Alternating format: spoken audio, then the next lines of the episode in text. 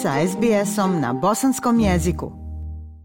Aisha, lijep pozdrav tebi i slušateljima SBS radija iz e, kišovitog, ali izuzetno toplog Sarajeva za ovo doba godine. 19. oktobra premijer Hrvatski Andrej Plenković boravio je u Bosni i Hercegovini. On je bio najprije u Sarajevu, a zatim je obišao Fojnicu i Kiseljak. U Sarajevu se sastao sa predsjedavajućom vijeća ministara Bosne i Hercegovine Borjanom Krišto. Nakon toga, dakle nakon njihovih razgovora e, održana i pres konferencija i najprije se novinarima obratio gost iz Hrvatske, premijer Plenković, koji je novinarima otkrio da je donesena odluka na sastanku između Hrvatske i Slovenije, a koja se odnosi na to da odlaganje otpada na Čerkezovcu, dakle Trgovska gora, bude odgođeno barem do 2028. godine. Evo u nastavku poslušajte izjavu koja je dakle vezana za odlaganje nuklearnog otpada na Trgovskoj gori. Od našeg zadnjeg susreta, koji je bio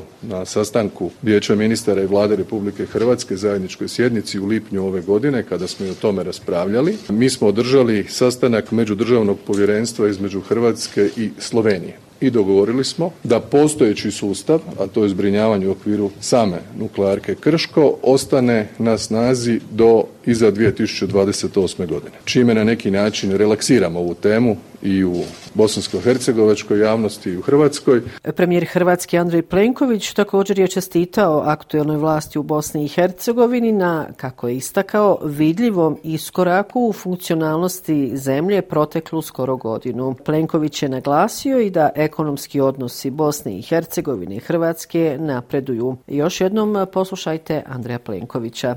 U takvom kontekstu napori Bosne i Hercegovine da nakon prošlogodišnjeg stjecanja kandidata za članstvo, na čemu čestitam, i postavljenih osam kriterija plus jedan, a to je ustavna izborna reforma, kao i onih ranijih 14 kriterija, budu svojevrsni vodič, svojevrsne smjernice za reformski put. I zato bih želio danas ohrabriti i vijeće ministara i parlamentarnu skupštinu, oba doma, da učine napore upravo u ovom vremenu i donesu one zakone koji su poznati kao ciljevi već skoro godinu dana. Jer ukoliko se to dogodi, svima nama koji smo zagovornici, prijatelji, odvjetnici Bosne i Hercegovine, bit će puno lakše zagovarati donošenje pozitivnih odluka. E, novinarima se, kako rekoh, Aisha obratila i predsjedavajuća vijeća ministara Bosne i Hercegovine, Borjana Krišto, koja je zahvalila vladi Hrvatske na svemu što čini kada su u pitanju infrastrukturni projekti od saobraćaja do oblasti zdravstva i obrazovanja. E, Borjana Krišto se posebno dotakla izbornog zakona u Bosni i Hercegovini. Moramo napraviti jedan ogroman iskorak kada je u pitanju reforma izbornog zakonodavstva. Moramo promijeniti izborni zakon, implementirati odluke, odluku Ustavnog suda o legitimnom predstavljanju konstitutivnih naroda na administrativno-političkim nivoima koji su namenjeni za zaštitu kolektivnih prava, kazala je pored ostalog predsjedavajuća vijeća ministara Bosne i Hercegovine Borjana Krišto. Poslušajte šta je dakle kazala predsjedavajuća Krišto. Njihov uloga i doprinos su jako, da kažem, nemjerljivi u ovom trenutku.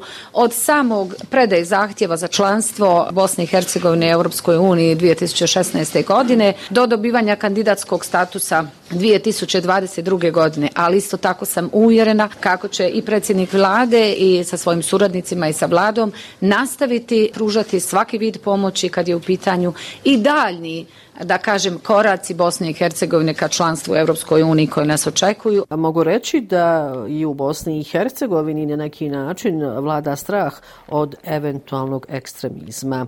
E, policijske agencije u Bosni i Hercegovini predvođene direkcijom za koordinaciju policijskih tijela Bosne i Hercegovine povećale su 19. oktobra nivo zaštite određenih državnih institucija. Inače radi se o mjerama opreza zbog novonastale situacije na Bliskom istoku, ali i dešavanja u Evropi. Uveliko se također radi na procjenama eventualnih prijetnji i svi su u koordinaciji. Ministar sigurnosti Bosne i Hercegovine Nenad Nešić kazao je da su mjere sigurnosti u Bosni i Hercegovini podignute na viši nivo zbog bojazni od eventualnog prelijevanja krize sa Bliskog istoka. Naše sigurnosne agencije prate dešavanje u Evropi. Pratimo i osobe koje bi mogle biti opasnost po sigurnost građana i imovine Bosne i Hercegovine, kazao između ostalog ministar Nešić. I evo šta je još e, rekao novinarima, na šta je upozorio agencije u Bosni i Hercegovini. U nastavku slušamo ministra sigurnosti Bosne i Hercegovine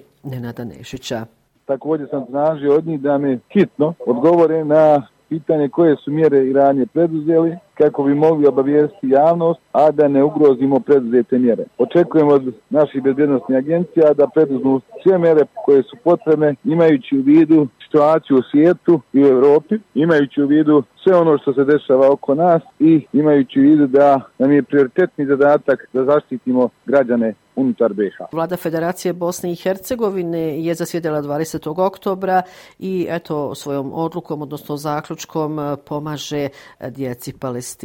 Nakon što je Vlada Federacije usvojila zaključak o iskazivanju spremnosti za osiguranje smještaja za djecu bez roditeljskog staranja smještenu u SOS dječijem selu u Rafi u Palestini, te za njihovu pratnju oglasio se i premijer Federacije Bosne i Hercegovine Nermin Nikšić na svom e, profilu. I između ostalog Nermin Nikšić je napisao teško je ostati suzdržan na vijesti i slike užasa koje svakodnevno dolaze sa ratišta, neprestano granatiranje stambenih zgrada, pa čak i bolnica, ubijanje i ranjavanje civila, posebno djece, pogađa svakog normalnog čovjeka. Odlučili smo da ponudimo pomoć koliko je to u našoj mogućnosti, naveo je na svom profilu Nermin Nikšić. Inače, predlagač ovog zaključka na sjednici vlade Federacije Bosne i Hercegovine bio je federalni ministar Nerin Dizdar. U ovom zaključku se između ostaloga navodi smještaj sa svim potrebnim uvjetima za privremeni boravak će biti osiguran na području Federacije Bosne i Hercegovine sve do prestanka ratne opasnosti na teritoriji Gaze. Ukoliko nadležne palestinske vlasti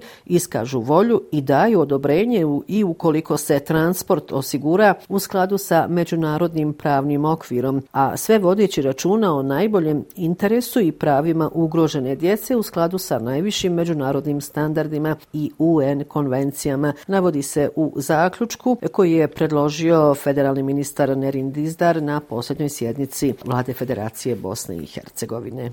Ured za kontrolu imovine stranaca Ministarstva financija Sjedinjenih američkih država nastavio je iša sa uvođenjem sankcija osobama iz Bosne i Hercegovine i time pokazao spremnost Amerike da pozove na odgovornost osobe koje podrivaju demokratske institucije, zatim Dejtonski mirovni sporazum, ali i one koje se povezuju sa korupcijom. Dva najnovija imena koja su dospjela na američku crnu listu i to 20 oktobra jesu Igor i Gorica Dodik, inače djeca predsjednika Republike Srpske Milorada Dodika i lidera SNSD-a koji je već ranije u više navrata sankcionisan od Sjedinjenih američkih država. Iz američke ambasade u Bosni i Hercegovini objašnjeno je da su Igor i Gorica Dodik ključni dio Dodikove mreže podrške i omogućavaju njegovu korupciju. Oni su uzimali javna sredstva Republike Srpske i građana radi vlastitog bogaćenja, ističe se u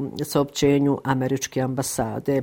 Također su podržavali destabilizirajuće politike, dijela i retoriku kojima se osporavaju i podrivaju suverenitet, teritorijalni integritet i multietnički karakter Bosne i Hercegovine, uključujući napade na Dejtonski mirovni sporazum i Ustav Bosne i Hercegovine, naveli su u saopćenju iz ambasade Sjedinjenih američkih država u Bosni i Hercegovini.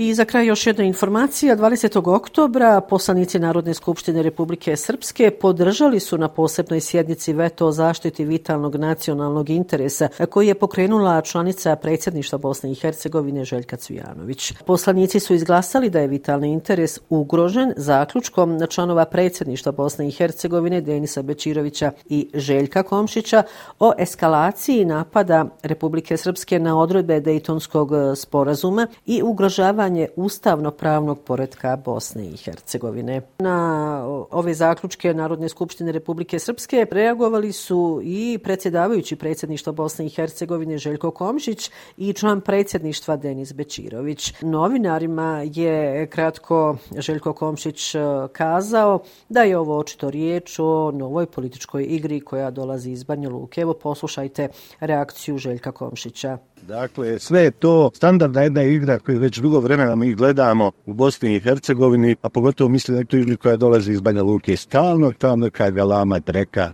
ugroženosti Republike Srpske, ko je ugrožao? I te ko dira, kažem, i da hoće da je dira, a ne može je dirati jer ta krši ustav. Dakle, ovo je bildanje tih političkih mišića, jačanje malo, pa čak ako hoćete, u tog nekog stranačkog samopouzdanja i pokazivanje stage, vidi kako možemo. Pa zapravo, potpuno beskovično. Kako rekao Haiša, reagovao je i drugi član predsjedništva Bosne i Hercegovine, Denis Bečirović, koji je u svom saopćenju naveo da ova sjednica Narodne skupštine Republike Srpske nema nikakav ozbiljan učinak. Zaključci koje sam predložio u predsjedništvu Bosne i Hercegovine u julu ove godine postigli su očekivane rezultate. Zaključci su došli na adrese na koje su trebali doći i zato je ovo pirova pobjeda entiteta Republika Srpska navodi se u saopćenju člana predsjedništva Bosne i Hercegovine Denisa Bečirovića. Eto je iša ovom informacijom i završavam ovo sedmično javljanje iz glavnog grada Bosne i Hercegovine. Još jednom lijepe pozdrave iz Sarajeva vam šalje Semra Duranović-Koso.